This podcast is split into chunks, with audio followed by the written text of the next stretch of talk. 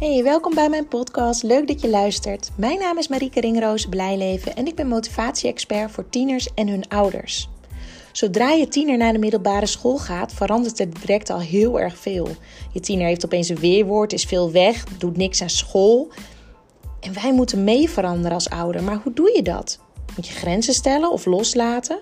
We hebben het idee dat hij zoveel meer kan, maar niks doet. School lijkt hem gewoon niet te boeien. Elke dag ruzie over huiswerk en dan dat uitstelgedrag. Wat moet je ermee?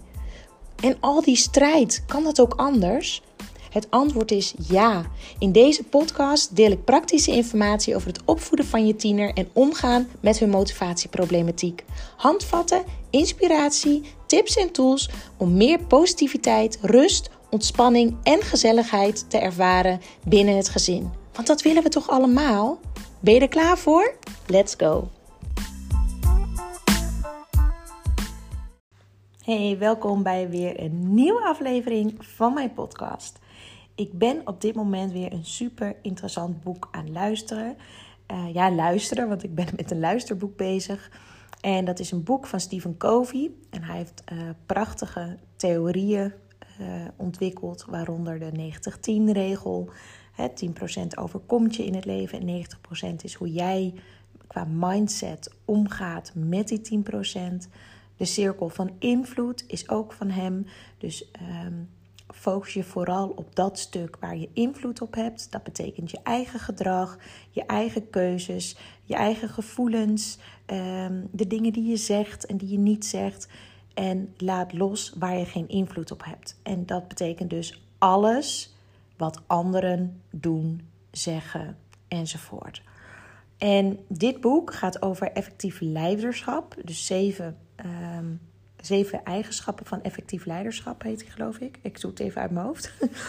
en er komen zoveel waardevolle stukken in terug. En ik heb dit boek een, een paar jaar geleden ook al gelezen. En ik haal er nu weer andere dingen uit. En één ding wat ik in deze podcast heel graag met jullie wil delen, is de emotionele bankrekening.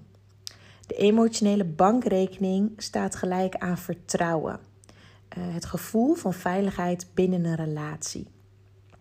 En dit geldt natuurlijk uh, qua relatie en, en contact met, met iedereen om je heen. Maar ik richt me nu eventjes op de emotionele bankrekening, het vertrouwen tussen ouder en tiener.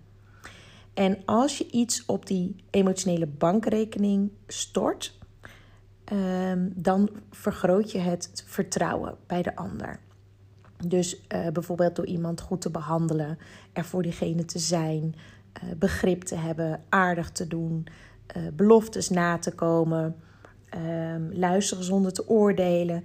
Allemaal manieren om saldo te storten op die emotionele bankrekening van je puber.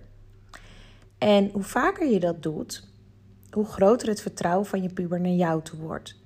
En dan als je dus dan op de duur iets fout doet, of je zegt iets wat, uh, nou ja, wat, wat, wat niet zo aardig is, of iets onhandigs, dan is dat niet direct erg.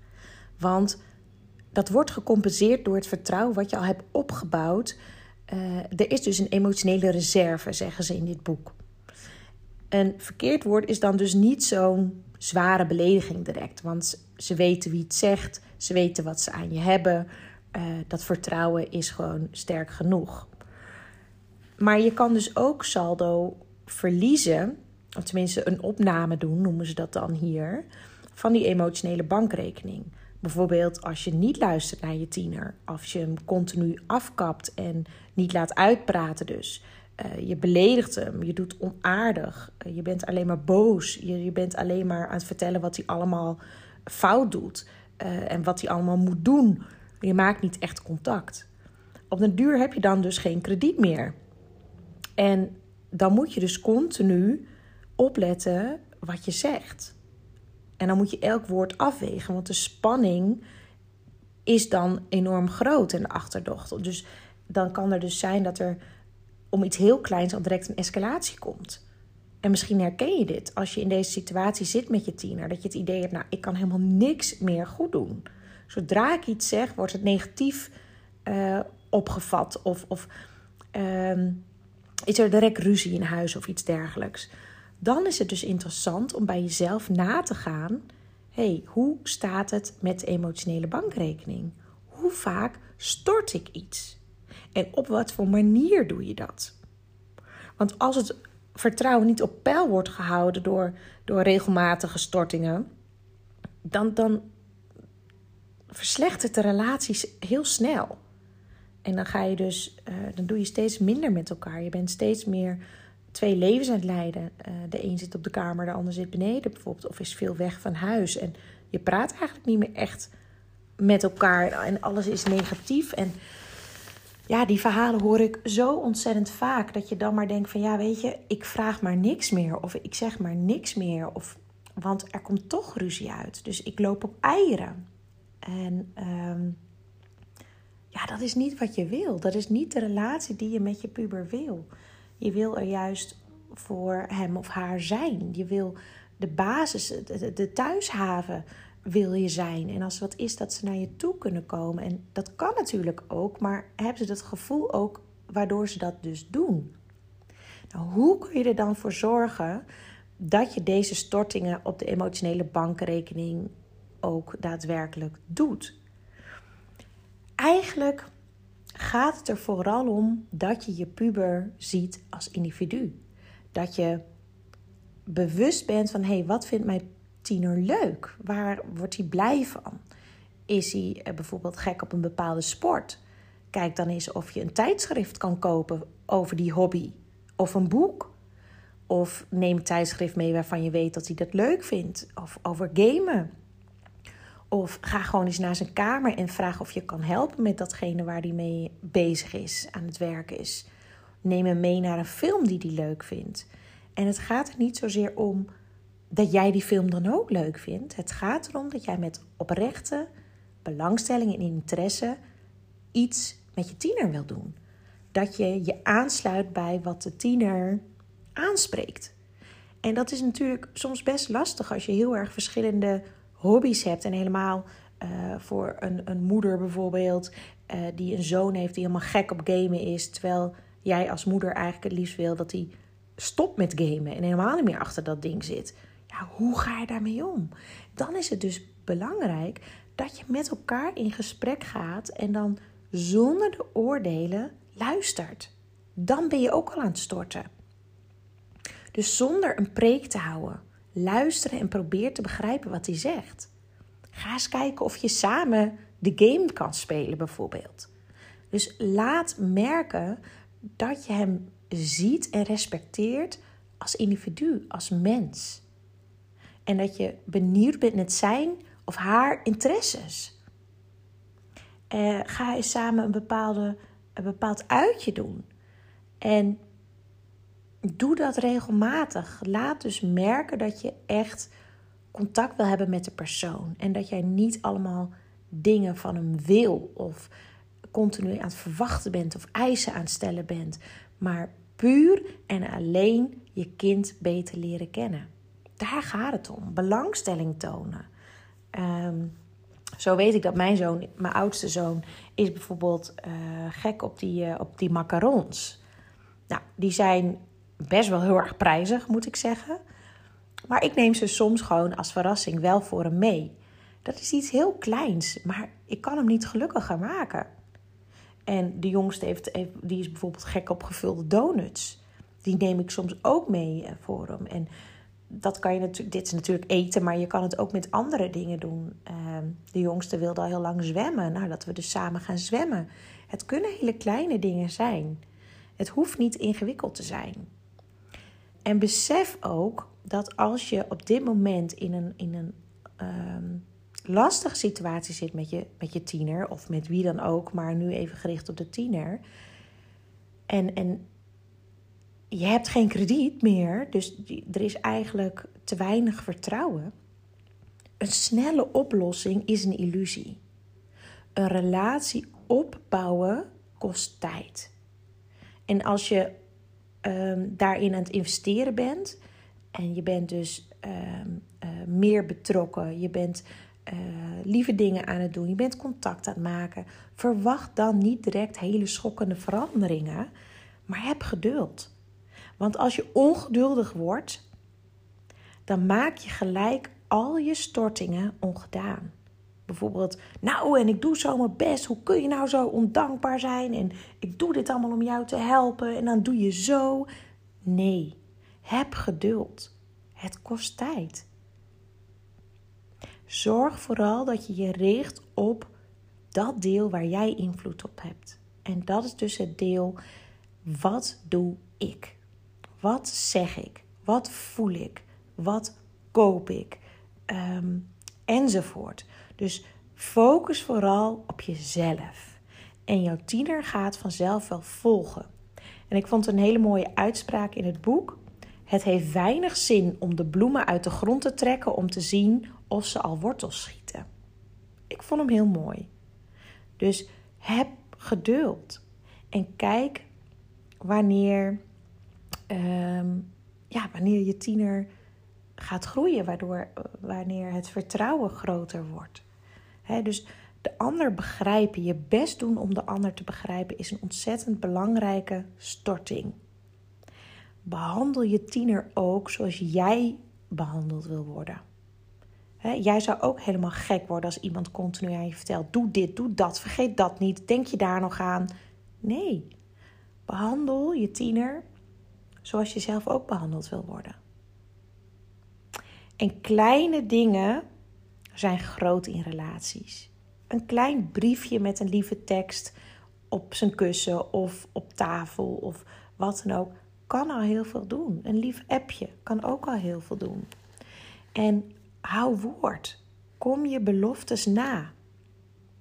En als je bepaalde verwachtingen hebt, om, om, om wat voor reden dan ook, verduidelijk die. Maak duidelijk wat de verwachting is. En heb het daar met elkaar over. En het is gewoon zo belangrijk dat je tiener voelt dat jij het meent. Dat het niet even een bevlieging is omdat je deze podcast bijvoorbeeld hebt geluisterd, maar dat je denkt: ja, dat is waar. Ik mag veel meer stortingen doen op deze emotionele bankrekening zonder direct iets terug te verwachten. Geduld hebben en, en vooral vanuit liefde handelen. Het is en daar heb ik zelf ook echt een groei in moeten doormaken. Maar het is zoveel belangrijker dat jouw tiener vertrouwen heeft in zichzelf.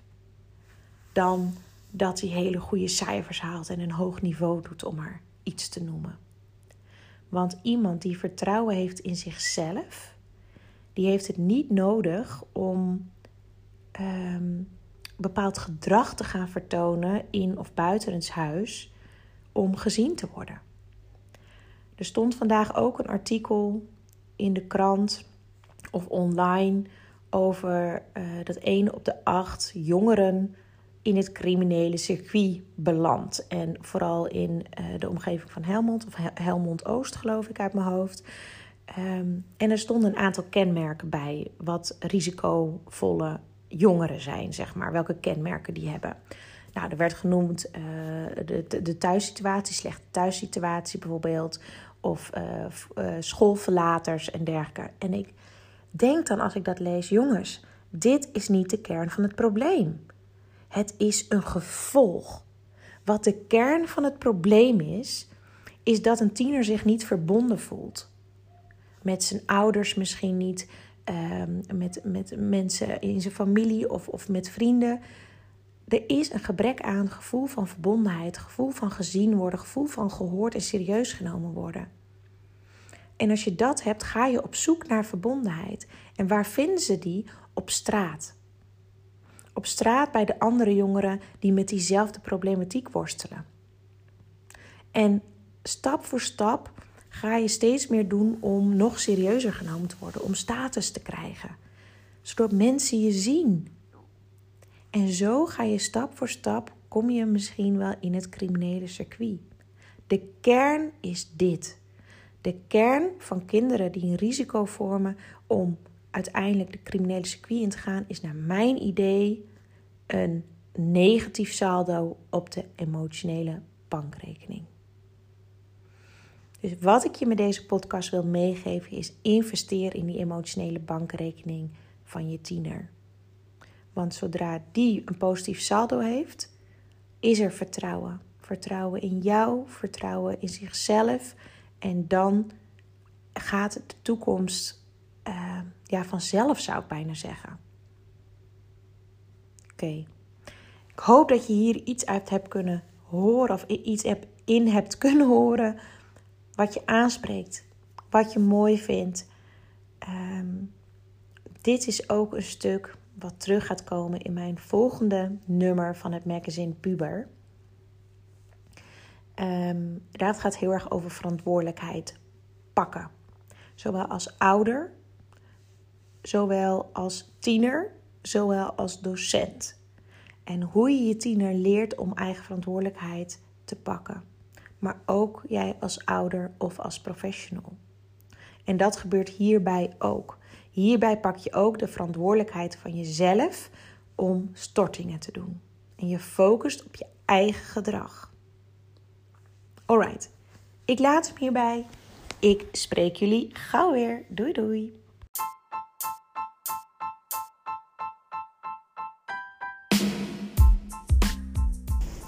Bedankt voor het luisteren. Ik hoop dat je er veel informatie, tips en tools uit hebt kunnen halen die je zelf kan toepassen bij jou thuis met je puber. Hoe tof zou het zijn als het lukt om landelijk het aantal onnodige zakkers, dublanten en afstromers terug te dringen? Wil je meehelpen? Deel dan mijn podcast zo vaak mogelijk op social media of mijn berichten en tag mij erin, want ik vind het super tof om te weten wie er luistert naar mijn podcast en wie mijn berichten bekijkt. Ken je een moeder of een vader of een docent die deze informatie ook kan gebruiken? Deel het, want zo zorgen we ervoor dat heel Nederland positiever in de puberteit wordt. Yes, dankjewel.